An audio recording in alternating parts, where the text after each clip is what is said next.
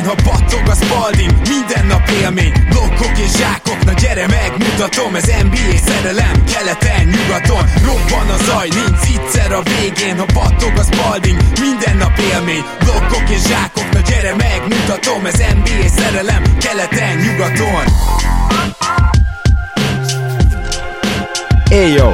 Szép jó napot kívánunk mindenkinek, ez itt a Rep City keleten-nyugaton podcast, a mikrofonok mögött Zukály Zoltán és Rédai Gábor. Szia Zoli! Szia Gábor, sziasztok, örülök, hogy itt lehetek. Ma egy picit foglalkozunk azokkal a játékosokkal, akiknek eddig csalódás a szezonja. Már csak azért is, mert ugye volt korábban egy adásunk, ahol kifejezetten csak a gyengén kezdő sztárokkal foglalkoztunk, és nem azt mondom, hogy nem lesz átfedés, tehát nyilván rengeteg olyan játékos van még a ligában rajtuk kívül is, illetve velük együtt, akik hát nem hozzák az elvárásainkat. Persze ez nagy teret enged maga a téma a személyes elvárásoknak, és hát ez kétségtelen, hogy ha valaki esetleg azt várta, hogy ezek a játékosok így visszaesnek, és tényleg nem lesznek olyan jók, akkor le a kalappal, minden esetre mi most azokat hozzuk, akik csalódást keltettek idén, és um, nyilván rengeteg uh, játékos dob például rosszabbul triplából, persze nem mindegy, hogy mennyire, de, de szóval azért sok visszaesés van dobó teljesítmény szempontjából a ligában, úgyhogy én kifejezetten próbáltam olyanokat is keresni, akik a játék egyéb területén sem hozzák azt, amit gondoltunk. Nyilván itt sok olyan fiatal játékos lehet, akitől vártuk a következő lépést, és nem érkezett meg, illetve sok olyan már bejáratott játékos is, aki legalábbis nem tudunk róla, hogy sérülés miatt, hanem, hanem valami egyéb ok miatt idén nem teljesít annyira jól, úgyhogy őket nézzük ma meg. Gondolom neked is volt bőven muníciód erre a listára. Igen, sőt, én hoztam talán meglepő, talán nem meglepő módon szerintem, hogyha beszélünk kicsit róla, megér egy két-három percet, akkor nem lesz annyira meglepő, hogy miért hoztam egy olyan játékost, aki nem is játszik. Számomra egy picit ő is csalódás, és annak kell, hogy még nem lépett pár, hogy lehet, hogy ebből ki is találhat, hogy kiről lesz majd szó. Hát akkor vagy John Vonról, vagy Ben Simmonsról. Egyébként nem, nem rossz. Ben Simmonsban már abban a szempontból nem csalódtam, hogy én róla tudtam, hogy ő egy díva, Aha. igazából. Zionról szeretnék egy picit beszélgetni, Na. nem sokat tényleg egy két-három percet, mert számomra ő eddig az évig abszolút úgy jött át, mint egy, mint egy szerény szupersztár, akiből abszolút kinéztem volna, hogy ő akár végletekig hűséges lesz a, az őt kiválasztó NBA csapathoz, és részben a, a viselkedése miatt, de nyilván elolvasva pár cikket, a Basketball Networknek volt egy, egy ragyogó cikke, ami, ami összeszedte gyakorlatilag az összes hurtaságot, visszásságot, ami Zion és a Pelicans között valaha történt, és, és abban azért olyan dolgok voltak, Nyilván, amiről már beszéltünk ugye itt most a rehabban, hogy, hogy gyakorlatilag teljesen elköltözött a Orleansból, és szinte nincs is kapcsolat állítólag a csapattal. Ez nagyon-nagyon érdekes, és úgymond nem néztem volna ki feltétlenül Zionból ezt. Vagy a slepjéből, szóval hogy sose tudhatjuk, Igen. hogy mekkora hatással Igen. van, főleg egy ilyen uh, vidám fiatal srácra, aminek Zion kinéz, uh, hogy aztán mondjuk uh, ugye Portlandbe költözött, ezt már a múltkori adásban is említettem, hogy nyilván egyből elindultak az összeesküvés elméletek, hiszen a Nike van Portlandben, hogy akkor azért itt lehet, hogy a szponzorok azt mondták, hogy figyelj csak, gyere ide, légy szíves, és majd mi kikezelünk, meglátjuk. És, és az, hogy ez hogy történt, azt talán most az utóbbi időszaknak a legérdekesebb híre, ugye, hogy Zion gyakorlatilag, és ez most már köztudott, Zionnak nem tetszett az, hogy mennyire óvatosan bánnak úgymond ezzel a sérüléssel, és gyakorlatilag megkereste a saját ilyen, ilyen fizioterapeuta szakértőjét, akit egyébként ugye kirúgtak az LSU-tól, és úgy rúgták ki, hogy mind a két oldalnak, tehát az LSU-nak is, meg neki is alá kellett írni egy NDA-t, ugye egy non-disclosure agreementet, ami hát nyilván nem egy jó jel. És most éppen ez a manus segíti úgymond őt a felépülésében. Nehéz most nem azt gondolni, hogy, hogy nem egy ilyen Anthony Davis 2.0 szituáció felé haladunk. Hát szerintem ez sokkal durvább, tehát Anthony Davis ebben az időben még rózsás helyzetben volt New Orleansban. Igen, az igaz. Az Jó, igaz. Jóba voltak. Itt ugye arról van szó, hogy a GM-mel állítólag évek óta, tehát majd, majdnem, hogy a draftolása óta nem beszél Zion, semmilyen kapcsolatot nem tudtak Griffinék teremteni vele, és akkor emellé jön az, hogy most már a csapattal sem, ami a nagyobb probléma, és nyilván felmerül az is, hogy létezik-e, hogy látunk egy ruki szerződésen lévő játékost, aki cserét kér, vagy aki, nem tudom, aláírja a qualifying offert, azért ennyi sérüléssel ezt kizártnak tartom, ezt hozzáteszem, tehát ezt az utat nem látom, hogy ő majd qualifying offert aláír és akkor utána eligazol. Ez egy nagyon faramúci helyzet a New Orleans szempontjából is, pedig ők is hibásak ebben, tehát elég egyértelműen kiderült a kommunikációjuk az Zion felé tragikus volt, és nem tudom én, bement Zionnak a lakosztályába Griffin, és mikor Zion nem volt otthon, meg ilyen sztorik keringenek, ugye, hogy, hogy ilyen egészen elképesztő és szürreális történetek. A fene se tudja, de azért New Orleans oldaláról is érdekes lesz megadni azt a maxot, nem? Nálam nem kérdés, tehát most mit tudsz csinálni? Tehát ha,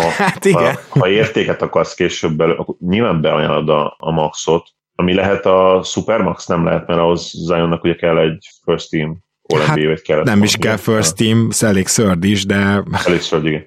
Tehát uh, igen, NBA. Zárszóként még annyit akartam egyébként mondani meg az egész szitúról, említetted azt, hogy esetleg kik vannak mögötte, milyen slepje. Ugye itt is családi dolgokról kell beszélnünk, mert állítólag Zion családjában vannak olyan elemek, akik elképesztően manipulatívak, és állítólag, ezt is olvastam, ugye mi beszéltünk erről, hogy most akkor vajon a klub nem akarta nyilvánosságra hozni a sérülést, ugye a, a season ticket holderek miatt, vagy esetleg más ok lehetett mögötte, és most én azt olvastam, hogy a család kérte, és többen hát ilyen pszichoszülőként írják le Zion szüleit. Ajj. Nem, hogy ebből mi az igazság, de ugye nem zörög a haraszt, ha csak nem fúj a szél, nem teljesen így van. Vagy így, így van, így van, ugye? Nem zörög a haraszt, ha nem fújja a szél. Csodálatos, akkor gyakorlatilag eltaláltam. Ilyen se volt még, hogy egy mondást idéztem, és, és jól sikerült, ezért is lepődtem meg lehet. Tehát nem zörög az a haraszt, ha nincs, nincs ott a szél. Amilyen szelet, ugye tudjuk, hogy kik gerjesztik, és egy New Orleansban ugye azzal a diétával, amit ők csinálnak, nem is olyan nehéz gerjeszteni ezt a szelet. Ó, oh, jó, hogy nem már gravitációs erőteret mondtál.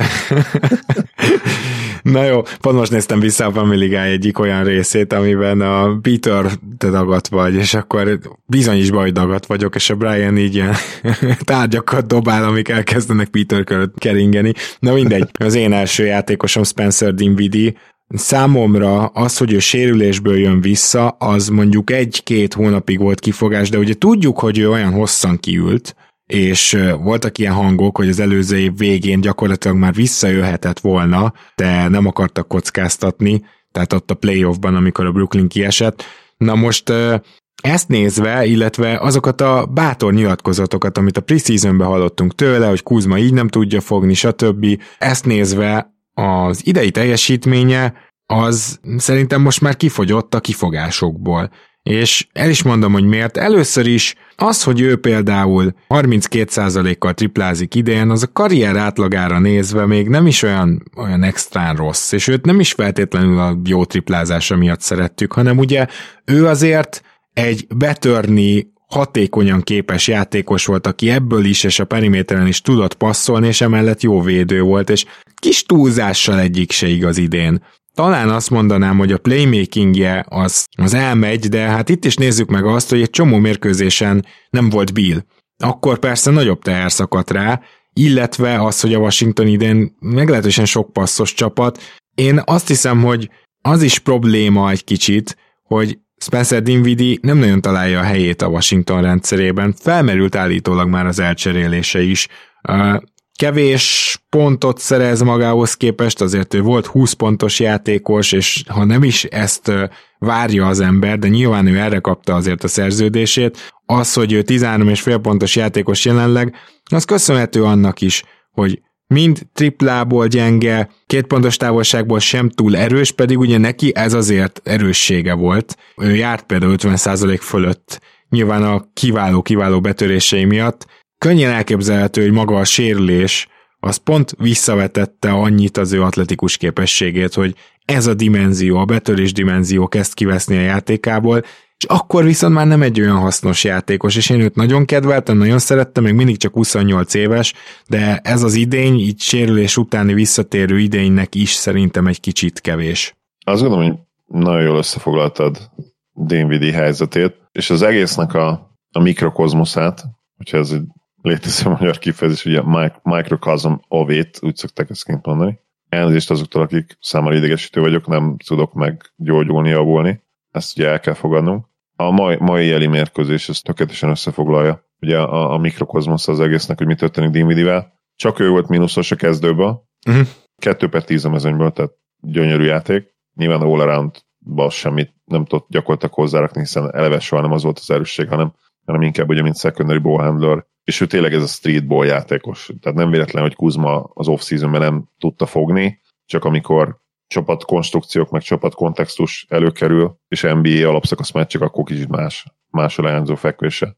De ugye mínusz ötös volt egyedül a kezdőben egy olyan mérkőzésen, ahol hát elég komoly történelmi dolgokat hajtott végre a Wizards. Nem tudom, hogy láttad-e Gábor, vagy nézted Igen, az Nem néztem ugye, de hát reggel felkeltem, és akkor kicsit bepótoltam, meg ugye mi, mi is kiraktunk egy ilyen összefoglaló direkt a Clippers oldaláról nézve a, a hatalmas igen. fordítást. Hát igen, tehát az ilyenekhez azért a Washington is kell, az a helyzet, és... Nyilván, de meg kellett hozzá Dinwiddie is, tehát legyünk őszinték, a 35 pontos előnyt sikerült leadni. Az első fél idő végén volt ugye azt hiszem 35 pontos előny, 25 körül volt végig, még a harmadik negyedben is, és azt hiszem még a negyedik negyed elején is ilyen 20 pont végig stabilan, de még ezt is sikerült megfejelni azzal, hogy még 6-7 másodperccel a vége előtt is meg 6 pont volt a különbség. 13 másodperccel a vége előtt volt 7 13 pont. Vagy 6, igen. 13, 6. Bocsánat, igen, akkor 13. Hát nagyon-nagyon durva volt tényleg, és ha már Washington, így nem tudom, hogy te felírtad a Dinvidit a saját listádra, de hogy én Fel, még... Azért is, mert beszéltünk tegnap róla, de, de egyébként is persze eszembe jutott volna. Azért én Bertánzt is, is ideírtam, a... csak azt akarom mondani, tehát hogy a, a, van egy párja Washingtonban, de hát most Bertánzt nem érdemes elemezni, mert gyakorlatilag annyira rossz, hogy alig játszik.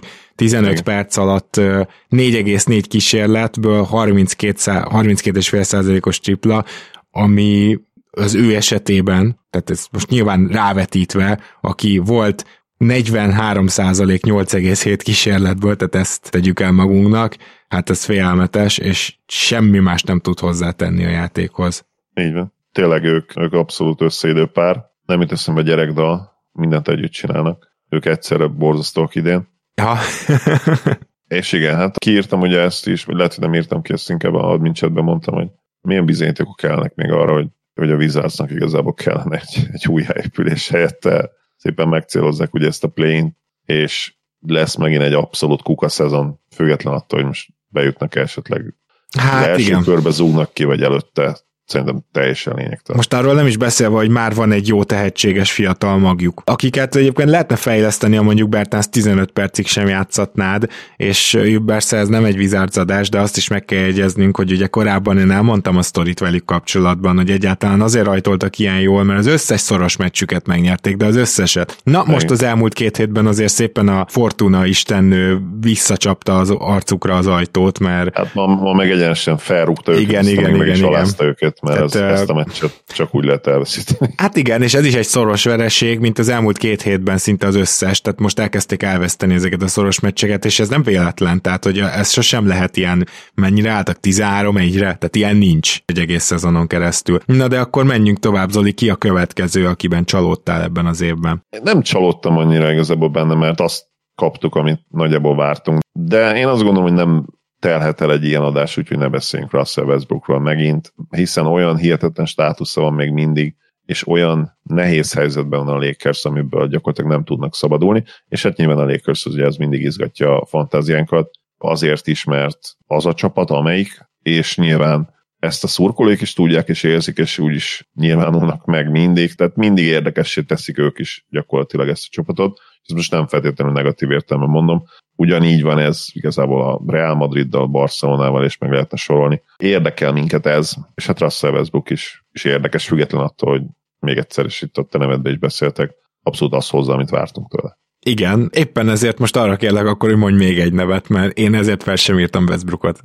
Jó, akkor Westbrookot ki is beszéltük. Hát ezzel, az elmúlt adásokban is, úgyhogy igen. Igen, ha azt mondtam, hogy, hogy egy ilyen adásban őt is ugye ide kell citálni, ha más nem legalább egy kis beidézésre, meg beidézés, Freudi elírás, valaki beidézhetné, mert is tudna játszani, akkor Lukát is meg kell említenünk, mert bár valamilyen szinten javuló tendenciát mutat mostanában is, főleg ugye dobás, biztonság, dobás hatékonyság terén, hát konzisztensen rossz gyakorlatilag, ezt a mostanában ezt nagyon szűken véve értsétek, kedves hallgatók, mert nemrég volt egy olyan sorozata, ahol valami 15%-kal dobta a triplát öt meccsen keresztül. E, igen, ez így van. Tehát nagyon szűken mostanában az utóbbi két-három meccsen. Igen, de egyébként, ha szerintem ha megnézzük a nem vagyok egészen biztos benne, de januári splittet, hogyha megnézzük, talán az jobb, mint a decemberi. Ugye a tripla dobás szempontjából még azzal a sorozattal együtt is nem esküdnék meg rá. A lényeg az, hogy egyértelműen kondicionális problémák vannak, és nála is, és ez látszik abból is, ahogy ő szerzi a pontokat, ugye a mérkőzés elején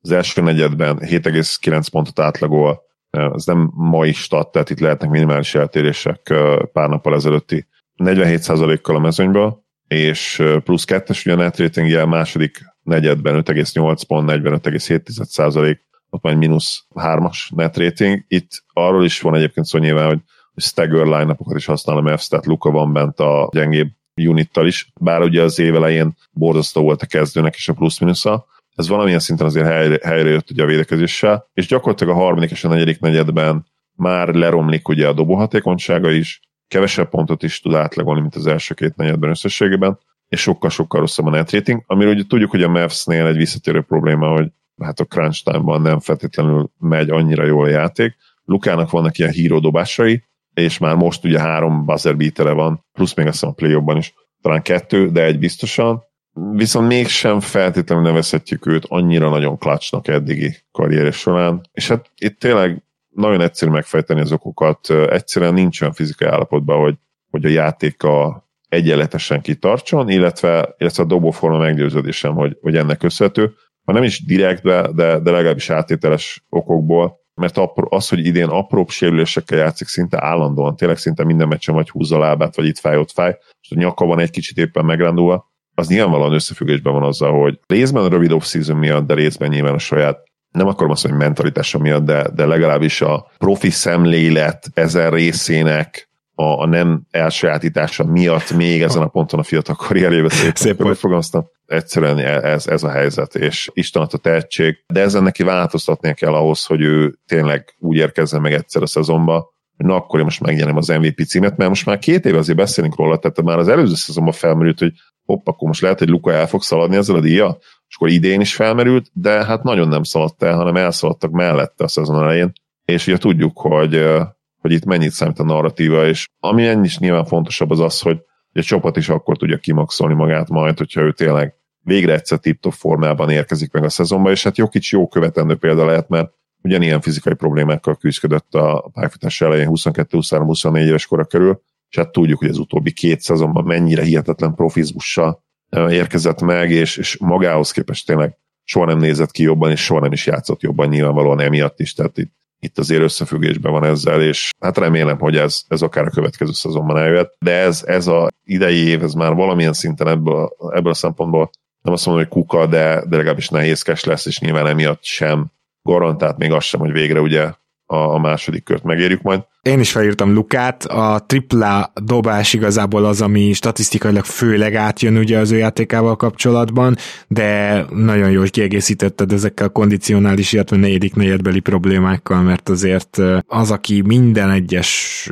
nap megnézi Lukát, az kettőnk közül mégiscsak te vagy, bár én is rengeteg dallaszt nézek, és őszintén szólva ennél csak jobb lehet a helyzet, úgyhogy ez mindenképpen biztató. Viszont most Bostonba kalauzolnálak téged is, és a kedves hallgatókat is, ahol én külön szeretném kiemelni Marcus Smartot, mint csalódást, Na most az a helyzet, hogyha Marcus Smartnak megnézitek csak a statisztikáit, akkor azt látjátok, hogy hát a karrier során ennyi stíl például nem volt, lepattanóban is fejlődött, és ezek nagyon szép dolgok, ugye védekezést váltott egy kicsit a, a Celtics, Udoka Smartnak egy olyan szerepet szán, amiben szabadabban mozog védekezésben, még az eddigieknél is, és igazából egy ilyen jó védekező játékos egyébként ezt, ezt jól használja, de ugye már az elmúlt idényben is voltak olyan hangok, sőt egyébként külön elemzés is született róla, mert nem tudom melyik YouTube csatornán, amit szoktunk ajánlani, de Ugye most Thinking Basketball kell nézni, ezt remélem mindenki tudja, és aki nem, az menjen fel és nézze végig az idei videókat, mert szenzációsak, de akár Coach a dolgait is, hogyha megnézzük, akkor azt hiszem, hogy ott lesz egy, egy smart elemzés. Kicsit sok a gambling, tehát kicsit sok a szerencsejáték, egyszerűen sokat kockáztat smart, és ez nem mindig összességében pozitív hatással van a Celtics védekezésére. Én szerintem ez idén is igaz, csak az a baj, hogy ő támadásban is egy kicsit ilyen jójózó játékos, akinek van pár skillje, amiben egészen jó, de nem azokat használja, vagy azokat nem konzisztensen használja, hanem egyszerűen az van, hogy néha olyanja van, akkor beleáll pull-up triplákba, néha olyanja van, akkor középtávolikat dob, és az idei játékán ez, ez sok mindenben látszik, mert támadásban az a helyzet, hogy ő egy perccel többet játszik, mint tavaly összességében, és kevesebb pont, kevesebb assziszt, rosszabb százalékok mindenhol, talán a büntető a kivétel, ahol ugyanolyan százalékkal dob, de egyel kevesebb büntető dob meccsenként, tehát kevesebb ér oda a büntető vonalra, és bár ő sosem volt TS császár, tehát a true shooting percentage az nála egészen historikusan, szia Szemi, szia Zoli, alacsony szokott lenni, de most egy 51%-nál megint visszafele esik, tehát ugye pont az volt a jó a tavalyi szezonjában, meg az elmúlt három évében, hogy legalább rá tudtál nézni a TS százalékára is, sőt ugye volt még 2018-19-ben egy 57%-os idénye, amikor hirtelen azt hittük, hogy még hatékony játékos is lehet belőle, és minden visszafele esik Smartnál, 27 éves, ez most kéne a prime-jába lépnie gyakorlatilag, ez az idény az eddig nekem ilyen szempontból csalódás, főleg, hogy mekkora szükség lenne rá. Ez lett volna az az idény, ahol megmutathatja, hogy feljebb tud lépni, hiszen látszik, hogy Brown és Tatum magával a pontszerzéssel nem, de a, a játék szervezésével szenved, és Marcus Smart abszolút nem előrelépni tudott, hanem gyakorlatilag visszaesni, úgyhogy őt írtam fel Bostonból nagyon-nagyon jól összeszedted a Marcus Smart jelenséget. Ugye egy olyan játékosról beszélünk, akit a liga egyik legjobb szerződésének tartottunk pár éve. Hát kettő és vagy másfél, két, szóval két, tényleg csak elég. És hihetetlen jó teljesítmény jutott egyrészt, mint glue guy, ugye, aki összetartja a csapatot védekezésben, ugye felfelé is játszott védekezésben, tehát a, egészen akár az előcsatárokig iszonyatosan erős csávorról beszélünk, és hát playmakingbe és floor spacingbe is ugye tudott segíteni. Szervezte a játékot, kitágította úgymond a pályát a triplájával, és hát ezek tényleg gyakorlatilag megszűntek létezni. Nyilván tudjuk azt, hogy, hogy funkcionálisan a Celtics keresi önmagát tényleg, vannak ragyogó mérkőzéseik, de se nem arra nem jó a rendszer, hogy maximalizálja a fiatalok tehetségét, vagy pedig esetleg ugye a fiatalok, főleg ugye itt Jason Tatum gondolunk elsősorban, az ő játék intelligencia talán megkérdőjelezhető ezen a ponton, és, és talán az is lehúzza úgymond a rendszert. Hát nem is hullámvasutazás neki ez a szezon, mert ugye lefele megy eddig csak kezelik. De az se igaz, mert ugye nem is földről indult az hullámvasút, úgyhogy ez csak így egy rohadt unalmas tájon megy előre szerintem ez a mozdony, és időnként ki is siklik még, tehát meg kell állnod egy nem tudom fél napra. Nagy hőségbe ez jut eszembe ez az analógia. Én Marcus Smartot személy szerint imádom, tehát még mindig simán cserélnék érte, például a Mavericks helyébe szerintem csodálatos lenne, ha lenne bármink, amit oda tudunk ugye adni érte. Hát pedig ö, vannak ilyen hírek, hogy Smart kikerül a piacra, tehát nem csak én csalódtam benne szerintem. Nem tudom, hogy ezen a ponton eljutottunk oda, hogy Smartnak esette annyit az érték, illetve Bransoné nőtte esetleg annyira, hogy legyen valami közös érdeklődés, de hogy tudja az a baj, hogy Branson meg kell fizetni. Tehát ha Jalen most még egy két évig egy nagyon jó kis újon szerződéssel lenne, akkor nyilván minden más lenne. Igen. Így azért nehezebb elképzelni. Hát Na. én, én szerintem egy Branson Smart cserét lehet, hogy most a Celtics nyerne. Lehet, e, ezen a ponton egyébként benne van a Ki, Kíváncsi leszek. Valamiért azt gondolom, hogy Bostonból te is hoztál valakit, de nem Smartot. Így van, nem tudom nem hozni, hiába az 50 pontos mérkőzés, ugye nemrég Jason Tatum, aki hatalmas csalódás nekem személy szerint, mert ugye én, én őt hype a, a nagyon jól sikerült, talán újonc playoffja óta, igen, igen, újonc playoff uh-huh. volt, mert ugye arról beszéltünk, hogy hát egy újonc nem játszhat így jobban, hát mennyire jó ez a srác. Megvan a méret, megvan a, megvan a dobás, és egy meglepően jó labdakezelés, amit nem feltétlenül vártak annyira ugye az NBA-re annó, tehát azt vártuk, hogy egy picit ennél kezdetlegesebb lesz, és nem lehet azt sem mondani, hogy nem fejlődött az évek során, mert, mert egyértelműen fejlődött, de, de valahogy abban nem fejlődött, hogy a lehető legjobbját ki tudja tenni a pályára, és hát ha ezt megemlítjük, akkor azzal lehet, hogy mindent megemlítettünk, meg minden problémáját felsoroltuk, mert igazából ez választja el a jó játékosokat a szupersztároktól, hogy hogy minden egyes mérkőzésen gyakorlatilag kis túlzással nyilván a sztároknak is vannak rossz meccseik, de, de sokkal-sokkal nagyobb frekvenciával tudják szállítani azt a teljesítményt, mint, mint Jason Tatum. És ráadásul nála ugye felmerülnek olyan problémák is, hogy hogy nem ment el jó irányba. A kőkemény védekezés és, a, és például a jó dobás választás aránya. Igen. minél rosszabb lett a dobásválasztás, mint hogyha azzal párhuzamosan annyival gyengébb lett volna a védő oldalon is. Tehát nehéz most azt vizionálnom, hogy Jason Tatumból MVP jelölt lesz, és, és top 10-es játékos, de még mindig annyira rohadtul tehetséges, hogy nem lehet leírni a dolgot. Nyilván annyira fiatal is. Az ő MVP jelöltsége ne, nekem sose volt az reális, hogy abból táplálkozik, hogy ő majd egyedül felhúzza a csapatát a keleti top 3-ba. Igen, más típusú játékos, az igaz. Igen. Tehát a, alapból az ő MVP jelöltsége egy nagyon jó Boston, ahol ő nem sokkal, de éppen, hogy a legjobb játékos, tehát alapból ez lenne, de a top 10 az érdekesebb, mert azért egyikünk se látta benne a, a de facto MVP-t. A naprend rendszer MVP-t mondjuk. Nem, az semmiképp. Az de, de az, hogy ő top 10-es játékos, annak már a szélén járt gyakorlatilag tavaly. Tehát azt mondtuk, Igen. hogy 12, 14. legjobb játékos kb. az NBA-ben, Igen. és az, az közel van, ott már ugye majdnem, hogy egy tírben vagy,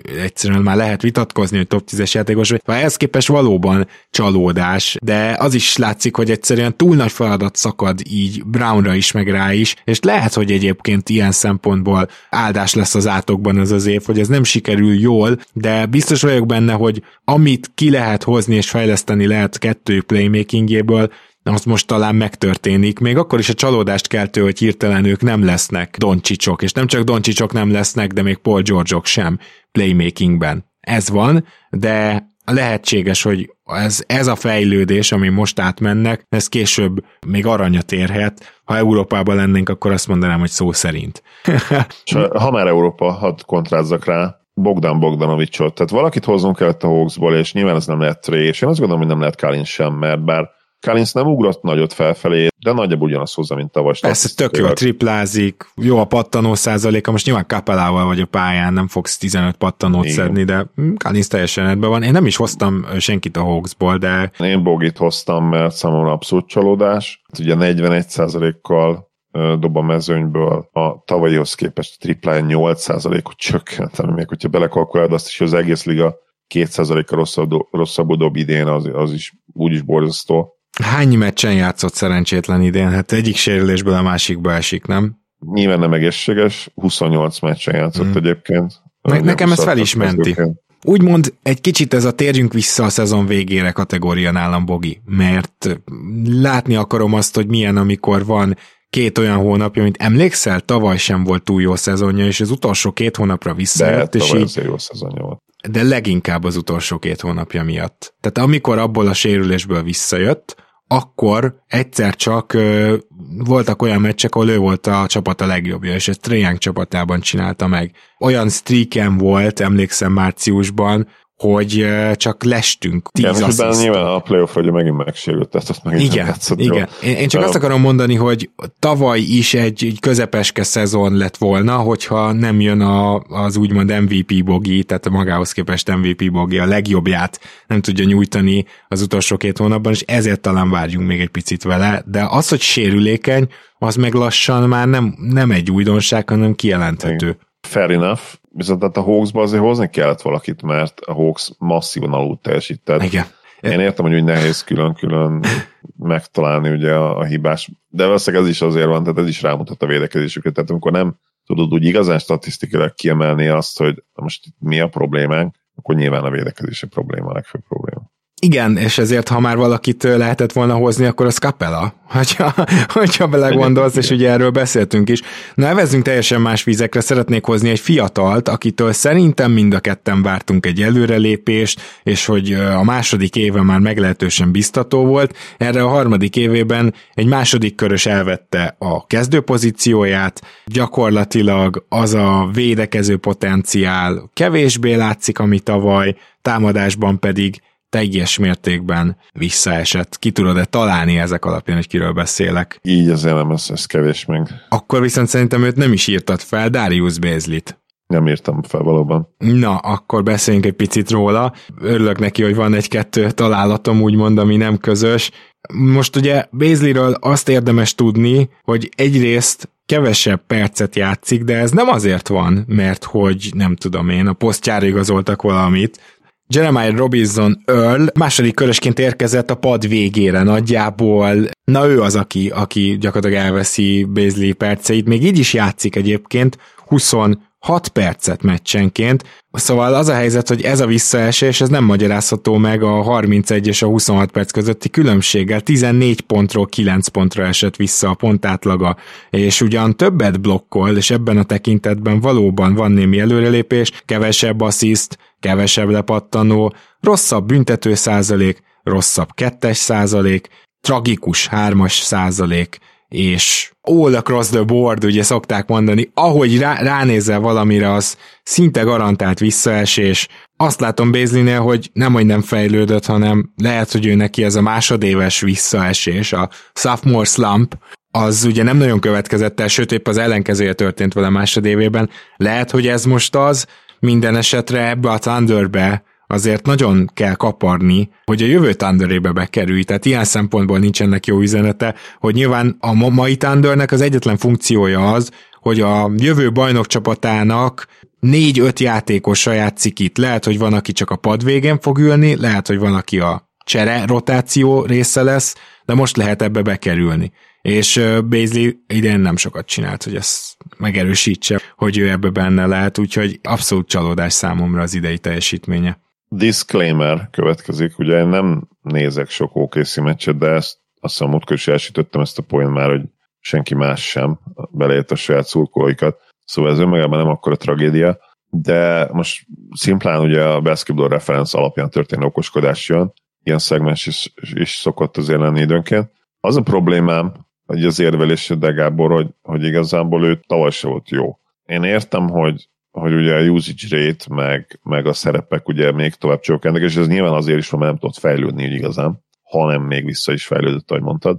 Ezt én teljes mértékben megértem, de az a baj, hogy tavaly is annyira gyenge volt, tehát 5,2 tripla 29 százalékkal, tehát mi, ez felmerül a kérdés, hogy miért dobsz rá ennyit, hogyha nem megy, Ja, mondjuk ez az egész Thunder kapcsolatban felmerült tavaly. Meg úgy megsúlyjuk, igen, akkor ezt Luka Doncsicsnak is feltehetjük ezt a kérdést visszatérve rá. És hát 40% alatt a mezőnyből, ami erőcsatárként még azért a mai ligában is elég erős. Az erőset nyilván szarkasztikusan értem. Felmenti őt az, hogy az OKC-be játszik, az ő OKC-t, meg az, hogy ő az OKC-ben játszik, mert nyilván olyan játékosaik is vannak, amilyenek. Figyelj, volt egy fejlődési ív, Zoli, az első és a második év között. Tehát még ha a második év nem volt olyan chilli-villi, akkor is azt mondom, hogy, és mondtuk is mind a ketten, hogy mennyire rohadt jó védő, az, hogy még, jó pattanózó. Tűnt, igen, tehát igen. jó atlétot, igen, ez nyilván így van, de hogy a fizikai fejlődés és a védekezésen kívül támadásban gyakorlatilag semmit nem fejlődött az újonc szezonja óta, sőt, ugye az újonc szezonjában még 35%-kal triplázott, és ebből lett az, hogy 29 és 26%, tehát én értem, amit mondasz, és nyilván 19 éves játékos fizikailag érik, és persze javulni fog védekezésbe, mert ha más nem, az alapvető sémákat bele lehet gyömöszolni a fejébe, bele lehet verni kalapáccsal a fejébe. És még egyszer nem nézek sok ókészi meccset, de a statisztikák alapján nehéz lenne észrevennem azt, hogy ő támadásban bármit fejlődött volna az elmúlt három évben. Az, hogy mennyire rossz Beasley, azt alulbecsülöd egyébként, mert idén a második legrosszabb a Raptor mutató szerint mínusz 6,4-re jön ki, tehát az egész ligában csak Jalen Green rosszabb nála, ő torony alatt, torony magasan, kút alacsonyan a leges legrosszabb játékos ilyen szempontból, mínusz 8,8-al, de azt is érdemes tudni, hogy már a harmad... Marian árok díjat, hogyha lenne. Abszolút az, és de majd bevezetjük. És egyébként az, hogy a harmadik helyezettek azok mínusz ötös, és onnan megyünk aztán feljebb, tehát mínusz ötös ratinget produkálnak, ez jól mutatja, hogy ez a mínusz 6,4, ez nem akármi. És ebből ugye a, az offenzív Raptor az, ami mínusz 4,9, tehát ez önmagába hozza, nyilván védekezésben jobb ő, de Szerintem idén gyakorlatilag csak azért pályán tartható, mert az OKC tankol. Na de meglátjuk akkor, hogy ez, ez milyen jelenség lesz például jövőre, mert abban egyetértek veled, hogy támadásban azért ennél többet kell mutatni, bár most az, hogy a triplája az elsőről a másodévre visszaesett, az nekem nem olyan nagy bűn, mert egyébként minden másban támadásban javult, mégpedig nem is kicsit, szóval ez bőven kompenzálta, hogy rosszabbul dobta a triplát.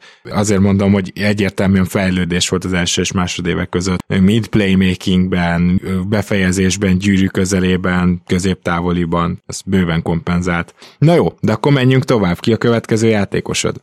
Kentavious Caldwell Popot felírtam magamnak, mert én ennél sokkal-sokkal többet vártam tőle erre a szezonra. nyilván más szerepek, és nem játszik már ugye LeBron James mellett, de egyértelmű csalódás. Összességében azt gondolom, hogy a, a védekezésű főleg, de úgy egyébként az a, az a szerep is, amit ő, ő kap, amire persze valahol azért számíthattunk ugye Bill és, és Dinwiddie mellett, mint két olyan periméter játékos, akinek elég magas usage rate kell, Wow. De ettől függetlenül számomra csalódás. De, de akkor neked nagyon nagy elvárásaid voltak, mert egyébként maga a szezon a számokban tök jól néz ki. Szerintem az annyira nem néz ki jól, Na. de én, én vártam tőle egy ilyen 15 pontot legalább. Hát és... még a, a karrier legjobbja, amikor Detroitban gyakorlatilag második opció volt, még az is csak 14 és fél pont. Így van, de ugye most van gyakorlatilag a peak éveiben, és hát őt kimondva vezérszerepbe vitték el, és én abszolút azt gondoltam, hogy ő picit tovább tud majd lépegetni ennél, és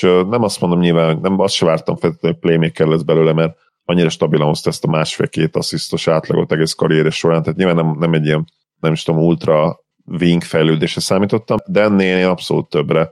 Tehát a 41% a mezőnyből az, az szerintem egészen borzasztó. Triplája és visszaesett ugye 4%-ot, még plusz 2%-ot a normál, idézőjelben normál 2%-os visszaesés mellett idén és hát ami sokkal nagyobb probléma számomra, mondom a védekezése, az egyértelműen rosszabb, sokkal rosszabb, mint, mint tavaly volt, és így a kettő kombináció, hogy nem is növekedett a, támadó szerepe, mert ugye nem tudott annyit fejlődni, nem kapja meg azt a usage rate és így sem egyértelműen nem olyan jó védő, mint amit tavaly és tavaly előtt volt.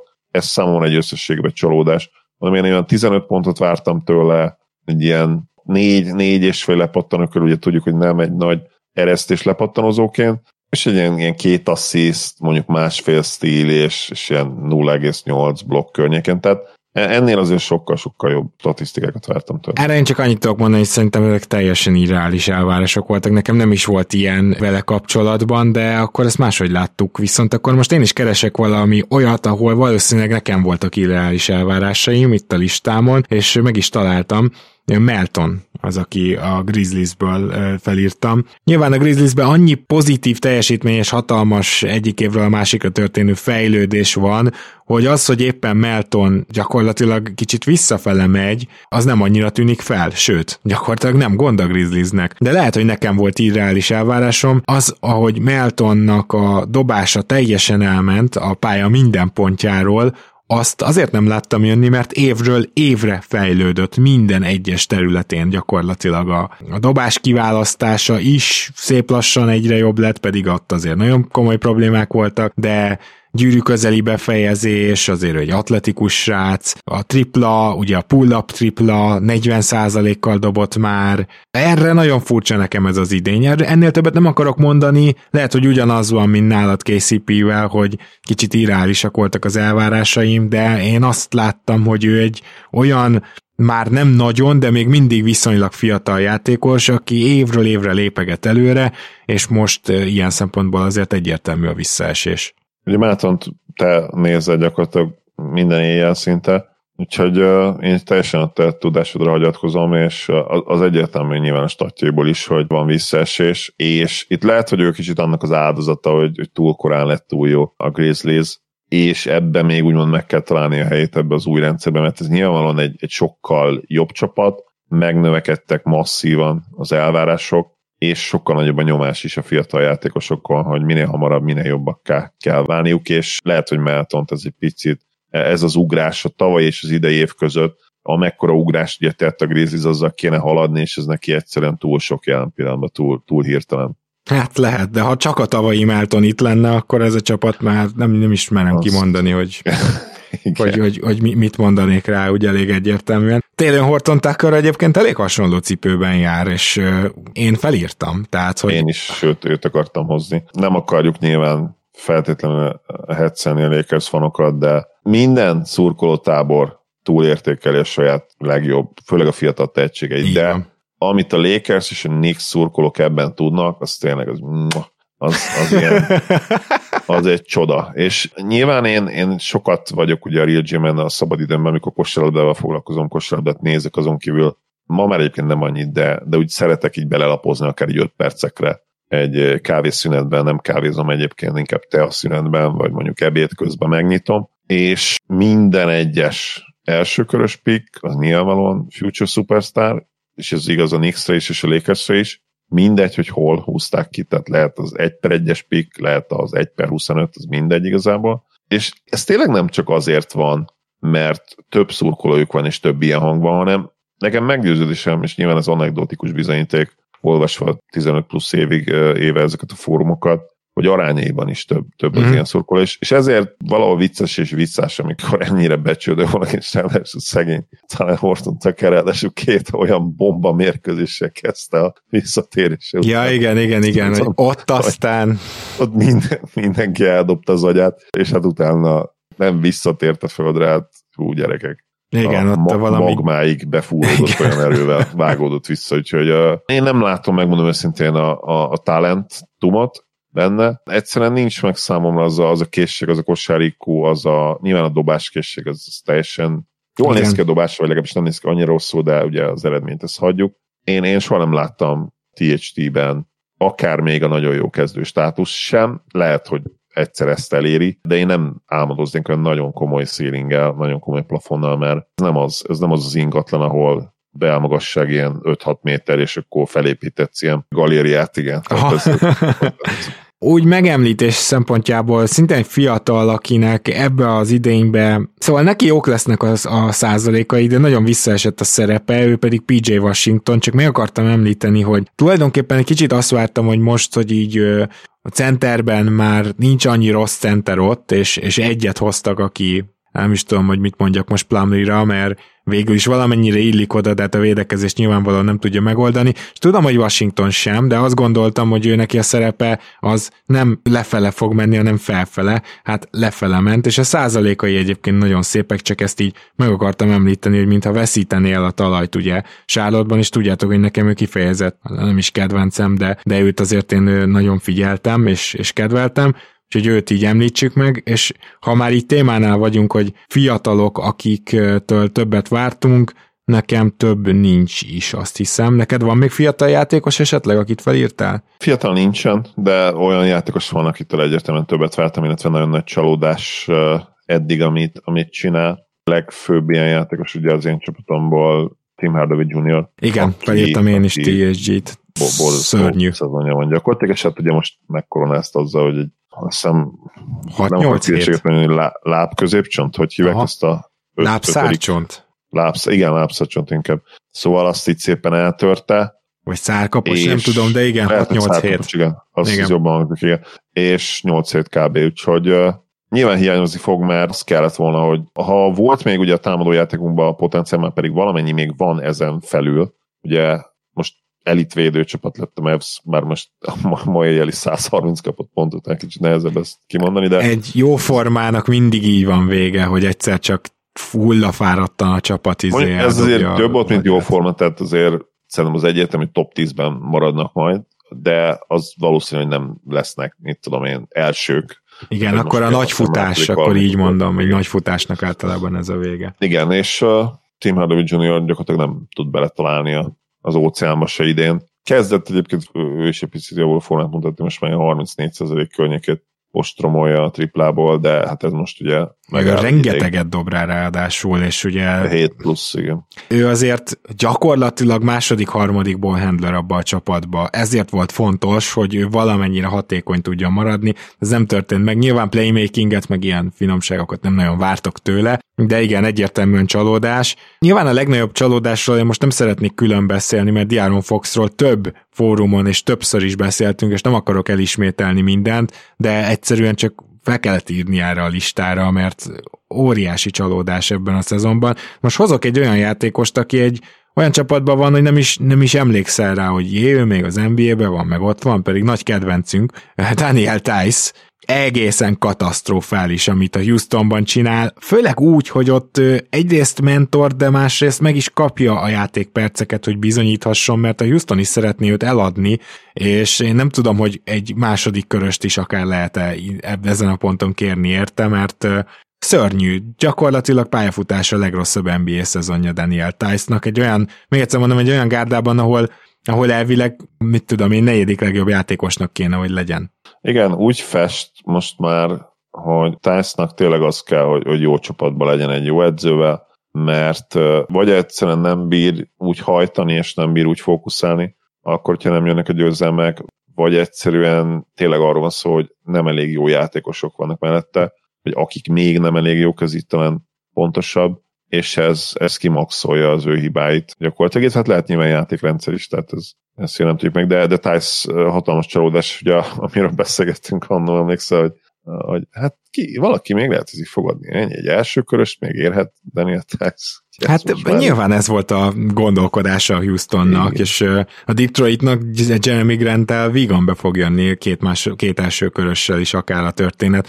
Nyilván nem egy kategória, csak értjük, hogy ezeket a játékosokat Persze. miért igazolják le ezek a gárdák, szóval ezt pontosan tudjuk. Jó, nem én... fog senki adni szerintem első körös. Csak megkérdezném, mert tudom, hogy te azt vártad, hogy azért ő visszaesik, és én is. De lehet, hogy nem vártuk, hogy ilyen szinten Julius Randle-t felírtad? Fel, abszolút. Én, én egyébként a playoff után teljes mértékben azt vártam, hogy, és hát nyilván itt az is benne van, hogy, hogy hatalmas a nyomás New Yorkba. Tehát ez, itt a védelmében meg kell említeni, hogy hogyha tavaly nagy nyomás volt, már pedig nagy nyomás volt, mert hiába, ugye, hiába kerültek vissza playoffba a nyív után, hanem ott, ott egyből elvárások vannak, tehát ott mindig elvárások vannak. A, ebből a szempontból a legkegyetlenebb hely a ligában New York. És ugye olyan playoff teljesítmény után, amit ő nyújtott, ez a nyomás, ez tovább növekedett erre a szezonra. És lehet, hogy bele is kényelmesített kicsit abba rendől, hogy, hogy megvan a nagy lóvé, nem tudom, per 36-ra több turnover, kevesebb assziszt, a lepattanózását szépen tartja. Rosszabb büntető kiharcolás, tehát kevesebb szerűt a vonalra rosszabbul dobja. Rosszabb... Mondjuk az alapidén ugye a rosszabb büntető Ez lehet, igen. Mindenki. Két pontosból is rosszabb, és kevesebbet is vállal, triplából egy picit többet vállal, de 10 százalékot esett vissza a tripla százaléka.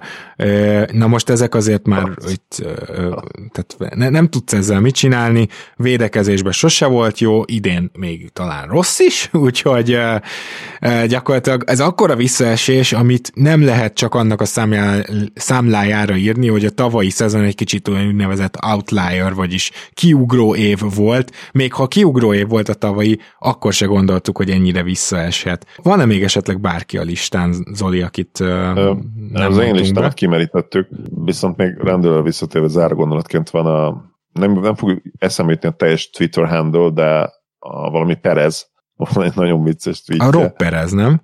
Rob Perez, igen, Rob igen. Perez tweet, tweetje az egyik, hogy a Knicks támadásai ugye arról szólnak, hogy ilyen 20-21 másodpercig azt keresik a csapattársak, hogy hogyan, hogyan lehet a legrosszabb, leglehetetlenebb módon eljuttatni a labdát Julius Randlehoz. Aztán a maradék 3-4 másodperc, ami ugye marad még a 24-ből, az pedig azzal telik, hogy nézik, hogy hol futhatnak úgy vissza a pályán védekezésbe, hogy ne kelljen semmiképpen Tibodó tekintetővel találkozni.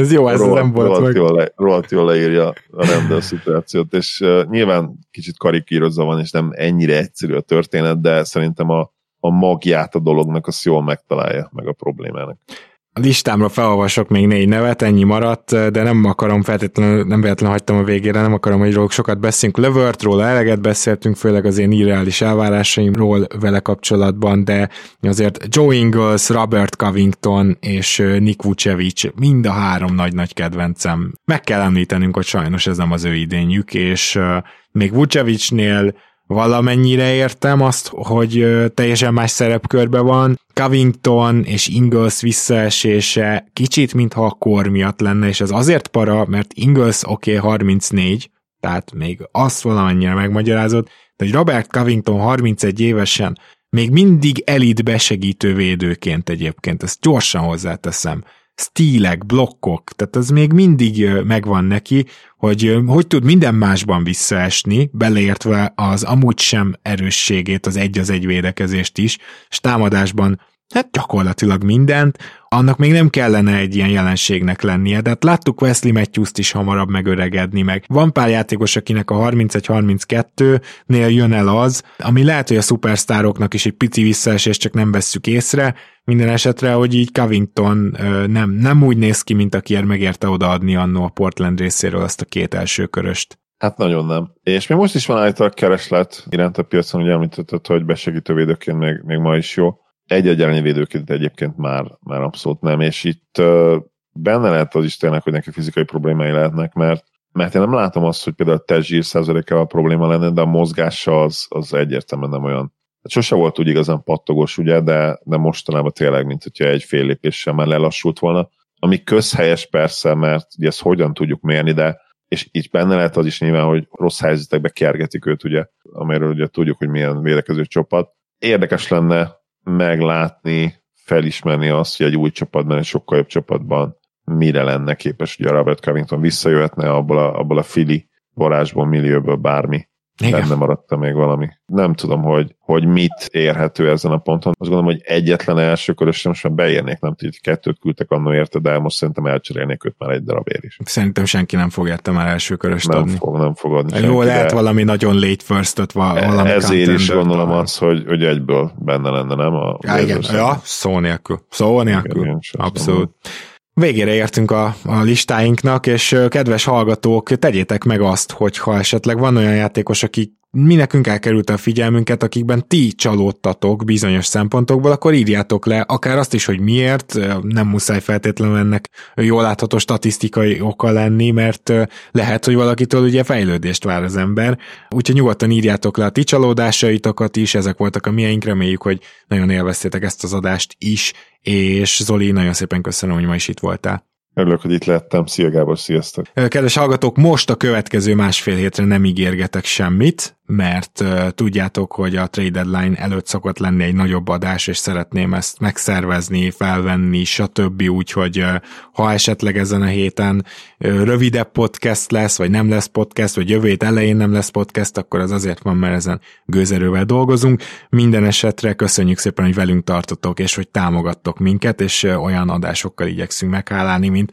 akár a mai, akár ez a bizonyos nagyobb adás, amit szerintem pontosan tudtok, hogy, hogy miről is beszél, beszélek, úgyhogy remélem, hogy azt is ti is várjátok, én nagyon, és a legközelebbi viszont hallásig akkor minden jót nektek. Sziasztok!